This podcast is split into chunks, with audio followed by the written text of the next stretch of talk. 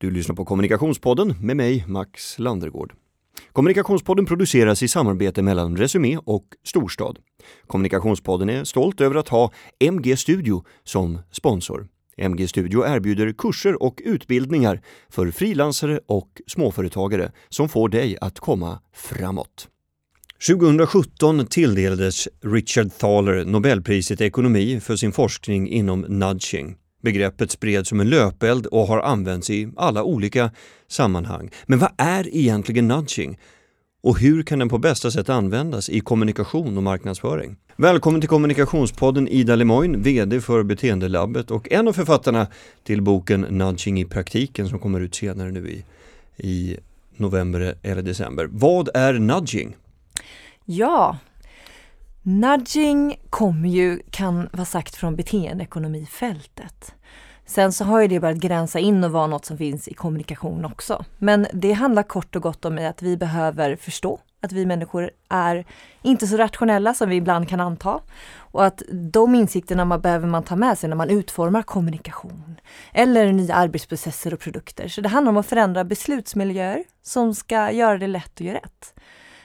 Hur kan, va, vad, är, ja. vad är det? Vad är beslutsmiljö? Vad, ja. vad, vad, betyder det? Valarkitektur väljer författarna själva också att använda, eh, Richard Taylor och Cass Sunstein i sin bok. Men det handlar om miljöer som vi fattar beslut i. Om det kan vara i ett ansökningsformulär eller i en cellprovskallelse som skickas ut. Hur ser den ut? Hur är den utformad så att man faktiskt kan aktivera folk till att göra de här beteendena man vill att de ska göra? Så att det kan vara både i digitala miljöer, men det kan också vara i fysiska. Hur utformar man ett återvinningssystem runt omkring alla som jobbar på en arbetsplats som man faktiskt återvinner exempelvis? Ett eh, välanvänt nudging-exempel som jag har eh, fått presenterat för mig eh, handlar om en fluga som är fastklistrad i en pissoar. Mm. Vill du berätta om den? Precis det här eh, flygplatsen i Amsterdam där. Ja, det här blir väl som ett slagkraftigt exempel på hur man bara genom en liten fluga i en pissoar minskade urinspillet utanför med 80% Så det här är väl ett sätt hur man på ett väldigt enkelt sätt kan få folk att då börja pricka och så minska spillet och på det sättet inte behöva städa lika mycket. Så det här var ett sånt, gud vad enkelt det kan vara att bara liksom knuffa folk till ett visst beteende genom en enkel fluga i ett pissoar. Har nudging alltid funnits men bara fått ett nytt namn i samband med att Richard Thaler fick Nobelpriset för det 2017? Eh, ja, det där är ju något som dyker upp ofta, den kritiska sidan när det gäller nudging. Men vi har väl Va, all... Var det här en kritisk fråga? Ja men ibland dyks det upp till, det här är väl ingenting som är nytt. Vi har väl alltid försökt knuffa och påverka konsumenter i en eller annan riktning. Mm. Men det som Taylor och kompani börjar sätta lys, belysa tydligare när de jobbar med det är att nu ska vi hjälpa konsumenten att gå i linje med sin egna vilja. Så att ofta så sätts den i skenet av att jobba med hälsofrågor exempelvis. Det dyker också upp när det handlar om miljöfrågor. Så här, hur kan vi använda det här snarare i att skapa samhällsnytta? Men absolut har det ju alltid blivit knuffad till att konsumera det ena eller bli riktad och knuffad på ett sätt i en stadsmiljö. Så att mm. jag menar, det är såklart vi alltid har försökt använda och förändra beslutsmiljöer som gör att vi styrs mot olika typer av val. Men här så sätter man in någon form av annat ansvarstagande i den här diskursen när det gäller hållbarhet. Hållbarhetsfrågan när det gäller just nudging. Och det sätter de mycket fokus på i sin bok också. Mm. Mm. Men eh, eh, precis som du själv är inne på eh, Olika typer av avsändare, organisationer, kommersiella aktörer, politiker har ju alltid velat att eh, väljare, konsumenter, samhällsmedborgare ska fatta beslut som, eh, som funkar för dem. Mm. Eh, men eh, på vilket sätt menar du att nudging mm. är ett mer ansvarstagande verktyg? Alltså det som nudging, framförallt så kan man också jobba med lite mer transparens. Alltså man kan ju faktiskt visa vad det är för intentioner man har för att påverka individers val eh, som blir som en, en del i när man pratar just om nudging som ett verktyg. Men jag vill nog påstå att politiker och marknadsförare behöver inte absolut alltid värna om konsumentens faktiska val och våra långsiktiga ambitioner Eh, till att konsumera onyttig mat eller konsumera plagget man kanske inte behöver på lång sikt. Så att den ställer någonstans marknadsförarna mot väggen också. Så jag skulle säga att den tillför nog ett nytt perspektiv i det här avseendet. På, på vilket sätt ställs man som marknadsförare mot väggen menar du? Ja men att man kanske knuffar mot eh, ett beslutsfattande som kanske inte är i linje med vad jag, mina mer långsiktiga ambitioner. Att jag så här, först till kvarnfällan, att man helt plötsligt bara så här, nu är det lite kvar och så vill man jaga på och köpa något och sen när man väl kommer hem så börjar man klura lite på om det faktiskt var ett beslut som var vettigt.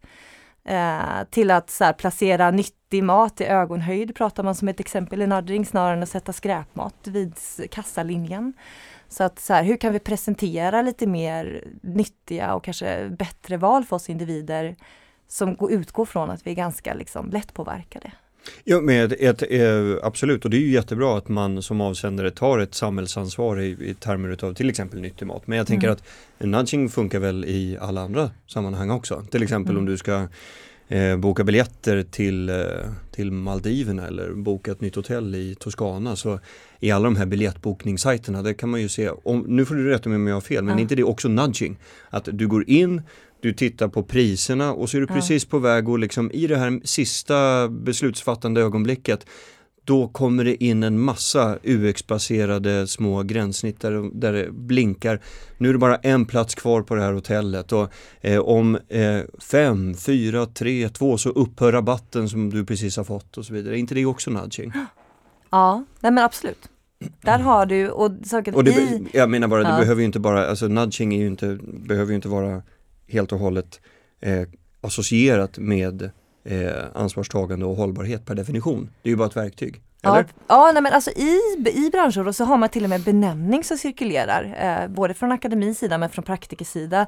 Eh, sludge är ett begrepp man använder i form av när man skulle då börja blinka få platser kvar och så kanske inte ens det är fallet men man vill ju bara aktivera det till att faktiskt ta den här sista stolen på flygplanet. Så att absolut är det ett sätt, jag sa det att det här har vi alltid varit påverkade av. Så där har du en form av nudging. Men inom fältet så skulle man på ett sätt, om det i slutändan blir att bara, nej jag vill ju egentligen inte boka det här hotellplatsen. Då börjar man vara inne i ett problematiskt område och det belyser nudgingfältet lite sydligare än kanske klassisk marknadsföring. Mm. Ja, Vad var det, sludge? Vad sludge. Nej men det är ett sätt i att man vill, liksom från praktikerhållet i att så här, vi behöver särskilja vad intentionerna med det här som här, styrmedel och ett till verktyg i lådan. Kanske inte riktigt det som intentionerna huvudsakligen är. Men jag skulle säga att här finns det olika läger där ute. Så det här är en debatterad fråga.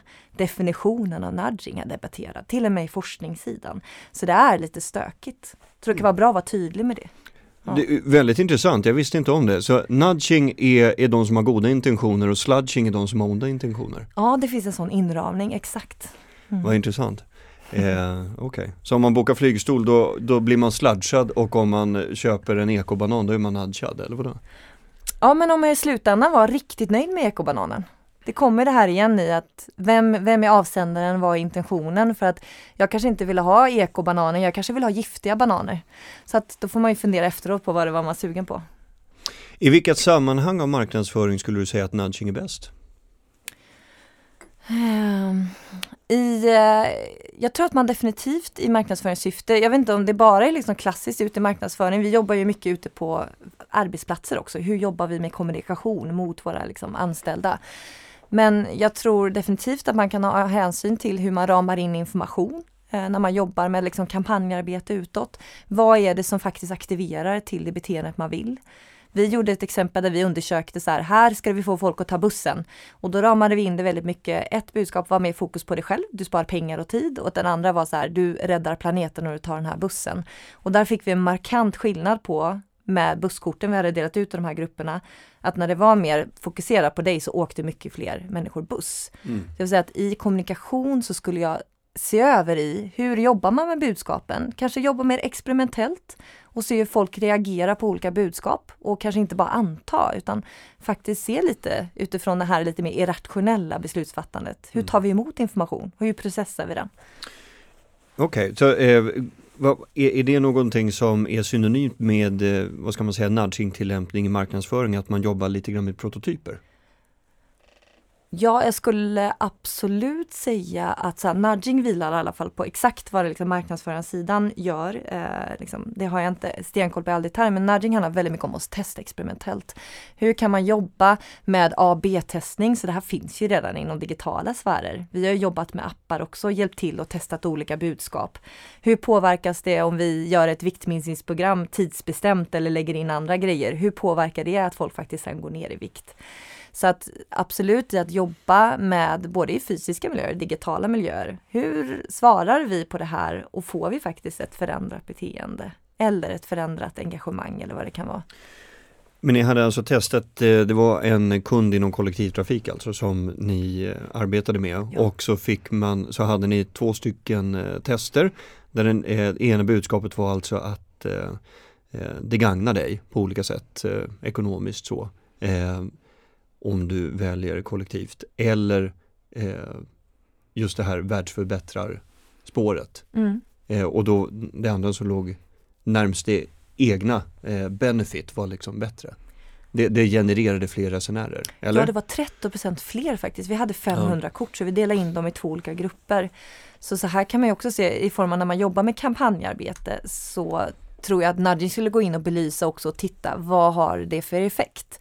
Så vi såg ju resestatistik på riktigt i det läget så att det inte bara var en attitydinsamlande insikt efteråt. Så här, vad är det faktiskt folk gjorde? Men absolut, där var, det är bra att pusha på det närmre än och ibland ta saker som ligger långt bort i tid. Men var det, eh, eh, kunde man se skillnad mellan eh, målgrupper? Eh, Eller var det, här... det lite allmängiltigt? Det här var eh, slumpmässigt 500 hushåll som var uttagna, så vi gjorde liksom ingen segmentering mer än så. Så här var mer, var bor vi någonstans? Och så bara delade vi upp det i två grupper, så vi tittade aldrig på någon liksom, tydligare bakgrund än så. Ja. Det var som författaren Charles Bukowski sa vid något tillfälle. Folk eh, bryr sig mindre om huruvida ett tredje världskrig ska bryta ut än om deras eh, skosnören kommer hålla under tiden som de springer i kapp bussen. Ja. Lite grann så är det väl, eller hur? Man är sig själv närmst. Ja, man är sig själv närmst. Jag tror inte vi så ska slå hål på hela liksom, idén av att vi faktiskt vill vara medmänniskor och bryr oss om varandra, så vi avhumaniserar totalt när vi pratar om de här frågorna. Men vi behöver absolut ha i åtanke när vi jobbar med påverkansarbete att det är vettigt att flytta incitament nära våran vardag, våran verklighet, vår närmsta flock och så vidare. Mm. Nu tar vi en paus i intervjun för lite reklam. Just nu finns shh, hos med en absolut, eh, ja, du vet. Ja, det jag pratar om det är att det just nu finns hos MG Studio samtalsgrupper som kallas för absolut sekretess där människor från teamledarfunktion upp till VD träffas under diskreta former och pratar i grupp om sina utmaningar. Det som sägs i rummet, det stannar i rummet. Samtalet faciliteras av någon av MG Studios seniora kursledare som arbetat i decennier i ledande funktioner. Se när ditt nästa tillfälle kan vara för att ansluta till Absolut sekretess på mgstudio.nu. mgstudio nu. Har du några andra konkreta exempel på kampanjer där nudging har genomförts? Det är ju lite intressant att höra om just ja. det här med A-B-tester. Um, vi, alltså vi är ju mer praktikerorienterade så att jag kan ju ibland tycka att det är spännande att se vad kampanjarbete också kan få. Det kan ju åka på nitlotter om man ens får lyfta ett sådant exempel. Men mm. där vi var intresserade av ett stort kampanjarbete som gjordes där man lanserade med en poppig video med en duschklocka så att man ska duscha under fem minuter. Man hänger upp den i sin dusch. Uh, och det här tog vi vidare och testade faktiskt ute i fält. Återigen, när man jobbar och skjuter in mycket pengar i kampanj. Men så här, vad är det den gör i slutändan? För här ville man minska energiförbrukning. Det finns ett liksom klart syfte. Så vi testade duschklockan och såg att det faktiskt eh, absolut hade ingen effekt alls ute mm -hmm. i mhm. en fysisk miljö. Så där var ett läge igen i att det var en väldigt häftig video där man liksom tog in lite kändisansikten och så vidare. Men sen i slutändan så såg man att så här, hmm, den här produkten, den här kampanjen, det var inte riktigt den effekten som man hade tänkt. Kanske. Hur, hur använder ni nudging då som verktyg för att eh, dra den slutsatsen? Jag skulle säga att duschklockan per se är ett sätt att jobba med nudging. Alltså så här att man tar någonting ut i den fysiska miljön, för här skulle man ju trigga folk till att hålla sig under en duschtid på fem minuter. Så där i sig själv tar du nudging då, med det sagt. Eh, och det är det här som är lite så här nudging eller inte nudging, apropå liksom våran syn på det här som arbetar med det. Um, ibland så blir det liksom en diskurs i att bara hålla på och debitera vad det ena eller andra är för något. För att bara kampanjfilmen så kan man hitta flera element som också kan tolkas som liksom, olika typer av beteendevetenskapliga insikter som man bygger det på. Vilket nudging är, mycket att man tar hänsyn till beteendevetenskapen, tar in det när man utformar lösningarna mer frekvent och liksom tillämpar det in i sin kommunikation eller i sitt arbete. Ja. Det har blivit ett väldigt intressant, eller det har blivit ett väldigt populärt ämne. Det kan man också se i gymnasieval. Eh, jag menar det finns Aha. många som väljer samhällsvetenskaplig linje med en profil som har med beteende att göra. Varför just nu? Vad tror du? Mm. Nej men vi har ju märkt, det är väl, nu är vi en byrå som kom med tiden här också, så att vi har ju tagit rygg på den här utvecklingen som håller på att ske. Nej men ett större intresse för psykologin bakom vårt beteende överlag så verkar det vara ett tryck på att så här, det är så mycket digitalt och mycket information som vi omges av så jag tror att vi börjar liksom vilja komma till kärnan av hur vi människor mår och reagerar i det här informationssamhället. Så att det har ju blivit att både företag men även politiker börjar förstå att okej, okay, vi behöver förstå vad det är som driver beteende. Det klassiska sättet att knuffa på människor börjar bli förlegat. Så nu behöver vi förstå oss mer på hur beteendevetenskapen hänger ihop med allt det här. Så att det, det, vi har tittat på våra grannländer också, så att så här, Storbritannien var tidigt ut med det här med nudging-frågan. USA har haft det på regeringsnivå och nu börjar det liksom vara allt fler regeringar som arbetar med det. Så Sverige har ju lite kikat på vad som händer i grannländer också. Eh, på, på vilket sätt jobbar man med det på regeringsnivå? Det började, Per Bolund, den tiden när han satt... Eh, Miljöpartisten. Ja precis, Miljöpartisten. Han lanserade det som en del i miljösmart konsumtion på ett, liksom ett seminarium. Det här är ett aktivt något vi ska jobba med den här frågan. Eh, vi har ju propagerat, eller jag tycker att det är viktigt att nudging aldrig blir en fråga man bara arbetar med miljöfråga för att det kan användas inom hälsa, brottsförebyggande, skola, så att det kan användas i alla områden. Men man har haft en renodlad enhet i Storbritannien som heter Behavioral Insights Unit idag. De startade som en statlig beteendeinsiktsbyrå som hjälpte till att implementera beteendeinsikter när man utformade lagar eh, inom landet och på samma sätt så har det tagit liksom fart på andra ställen. Så om vi ska få folk att lämna fler organ inom en nation skulle vi kunna jobba med ett annorlunda upplägg på det i dagsläget. Mm. Ja. Hur skulle det kunna se ut då? Jag kräver inte att du ska ha hela strategin klar för dig men eh, ja. bara så att jag får lite bättre kläm på hur det skulle kunna funka. Ja, du menar om man skulle lanserat en sån enhet typ i Sverige? Eller? Alltså en enhet som väldigt tydligt jobbar tillsammans med staten till att testa experimentellt olika typer av reformer. Om man ska göra någon form av förändring i skolmiljö exempelvis, gör det i ett experimentellt format och få underlag som visar på att ja, att införa den här förändringen kan få den här effekten för barn och unga. Så att mycket, det är precis så man gör då i Storbritannien bland annat som har det mer på den nivån. Att man testar på x antal vårdcentraler någonting, typ screeningkallelse är något som dyker upp i att vi har svårt att få liksom unga kvinnor att gå på de här. Hur kan vi skicka ut och testa ett nytt sätt att jobba med det på x antal landsting? Och sen så har vi ett underlag som skulle kunna vara intressant för hela liksom, Sverige att arbeta med det på liksom, en mer central nivå. Mm. Är inte nudging, nu kommer en, en kritisk fråga, mm. är inte nudging precis som minidisk, rucola och lunar storm, alltså något som är hett ett tag och sen kommer försvinna men det egentligen så finns det alltid där? Ja, ah, intressant. Nej men det här är ju också tvistat i, så här, ska vi kalla det nudging? Jag vet från regeringssidan som har sagt beteendeinsats var när man gick ut i en rapport och pratade om att ska vi kalla det det snarare. Och jag tror att i form av att det är precis det vi kanske ska göra. Är att det, poängen är ju att vi börjar införa mycket mer beteendevetenskapliga principer när vi jobbar med förändringsarbete, både på politiker och ute i bolagen. Nu råkar stora bolag vara superduktiga på det här också. Facebook eller Amazon, om man bara tittar, stora aktörer har ju beteendestrateger och beteendevetare ute hos sig. Så jag tror snarare, så här, oavsett om det är nudging per se som blir inramningen av det, så ser vi ett förändrat läge där liksom, psykologiska insikten tar större plats när man utformar en ny kampanj kanske, eller när man utformar en ny tjänst. Så jag tror att det är det som är behållningen i det. Sen huruvida om vi kallar det nudging om tio år. Eh, men jag tror definitivt inte en fluga. Det är något som bara kommer växa och stanna kvar på olika sätt. Vi har varit inne på det innan. Hur kan man som kommunikatör tillämpa nudging? Som kommunikatör, jag skulle nog liksom återigen slå en flagg för det här i hur kan du i liksom mindre format kanske testa och jobba med olika budskap mot betagrupper. Eh, så här, testa och pusha för sociala, sociala normer i den gruppen. Eh, testa och så här, ge positiv förstärkning i den här, alltså att hur man kan liksom jobba med olika typer av information och se lite hur det faktiskt, hur vi reagerar på det. Eh, men också att eh, faktiskt titta mer på forskning bakom, vad som styr beteenden.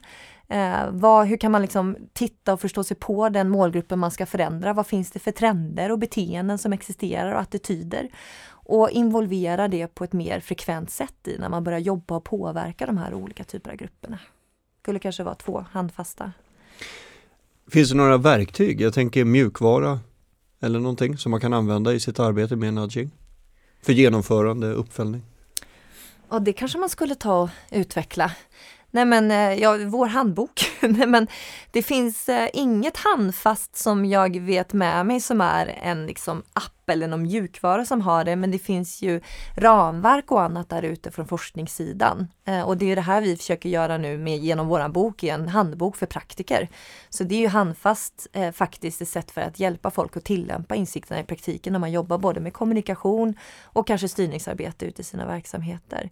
Eh, men ingen mjukvara som jag vet så direkt. Ge mig ett litet eh, axplock ur boken. Kan du bara dra igenom den? Ja, en liten, en liten god sammanfattning. Nej, men, ja, precis. Framförallt är det en bok som är kri- skriven för, för nybörjare inom fältet. Ibland så kan forskningsfältet bli rätt betyngande och det är liksom svårt att hänga med. Så våran bok har en väldigt lättsam tonalitet. Den bygger upp en första del som pratar om bakgrunden till liksom hur vi fattar beslut, talar om vad nudging handlar om. Och där man också får bakgrunden till x antal nudgeverktyg som vi har tagit fram. Vilket är handfasta verktyg för praktiker att jobba sen ute i verksamheten. Och sen andra delen i boken är en arbetsprocess, en designprocess för praktiker att tillämpa nudging. Så hur man från början till slut kan ta sig igenom i att jobba med en mer resultatdriven beteendeförändring. Mm. Så, och sen så är det väldigt mycket liksom fylla i uppgifter själv men också mycket handfasta case och exempel på hur det har funkat eh, från en rad olika länder. Både exempel från Sverige, exempel som vi själva från Beteendelabbet har gjort till liksom vad, vad som har hänt inom fältet i USA och slagkraftiga liksom, fall på där man lyckats med att få förändring. Vill du nämna något exempel ur boken som du tycker kan beskriva nudging på ett bra sätt? Ja, vi har ju många olika exempel men eh, ett som är rätt slagkraftigt och känt inom fältet som är mer kopplat till att spara för sitt framtida jag är Save More Money Tomorrow Program eh, som sparar in upp mot 30 miljarder amerikanska dollar som bland annat Richard Taylor var med och initierade. Där eh, grundpoängen helt enkelt var att göra det mycket enklare och mindre smärtsamt att faktiskt sätta av pengar idag till dig själv i framtiden. Och då designar man programmet helt enkelt att man eh, signar upp på att sätta av en viss summa pengar längre fram i framtiden på arbetsplatsen. Så vid en löneökning så kunde du göra en mindre avsättning. Och på det sättet så ökade man pensionssparande markant. Bara för det faktiskt kändes lättare att sätta av en summa pengar på en framtida vinst än att behöva ge upp pengar idag. Ja, typiskt Kahneman. Exakt, ja. det är ju det han pratar om. Ja, exakt eh, mm. som man pratar liksom i, i det här området. Så att här testar man det i praktiken i att utforma ett pensionssystem som bygger på att jag inte behöver ge upp massa pengar idag utan du kan faktiskt planera för framtida ökade inkomster. Så här är ett sätt att ta med det här liksom, i att hur funkar vi människor och hur kan vi bygga in det i ett pensionssystem exempelvis. Ida Lemoine, VD för Beteendelabbet och en av författarna bakom boken Nudging i praktiken som kommer ut senare i år. Stort tack för att du ville vara med i Kommunikationspodden. Tack så mycket. Well, I figure I'll buy me a motorcycle, wrap a pretty little frame around a telephone pole, ride her up a mountain like old Arlo. Figure I'll buy me a motorcycle. Well, I figure I'll walk to the liquor store, Thunderbird, two bottles, maybe three, maybe four. Follow my feet down the music road. Pour it on the pavement like you would a tombstone. Like you would a tombstone. Like you would a tombstone. Pour it on the pavement like you would a tombstone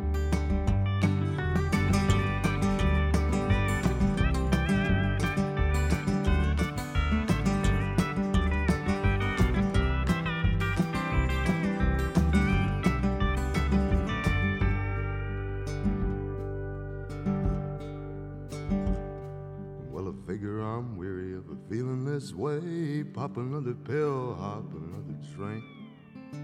Tell my brothers and my sisters that it's keeping me sane. Figure I'm weary of a feeling this way.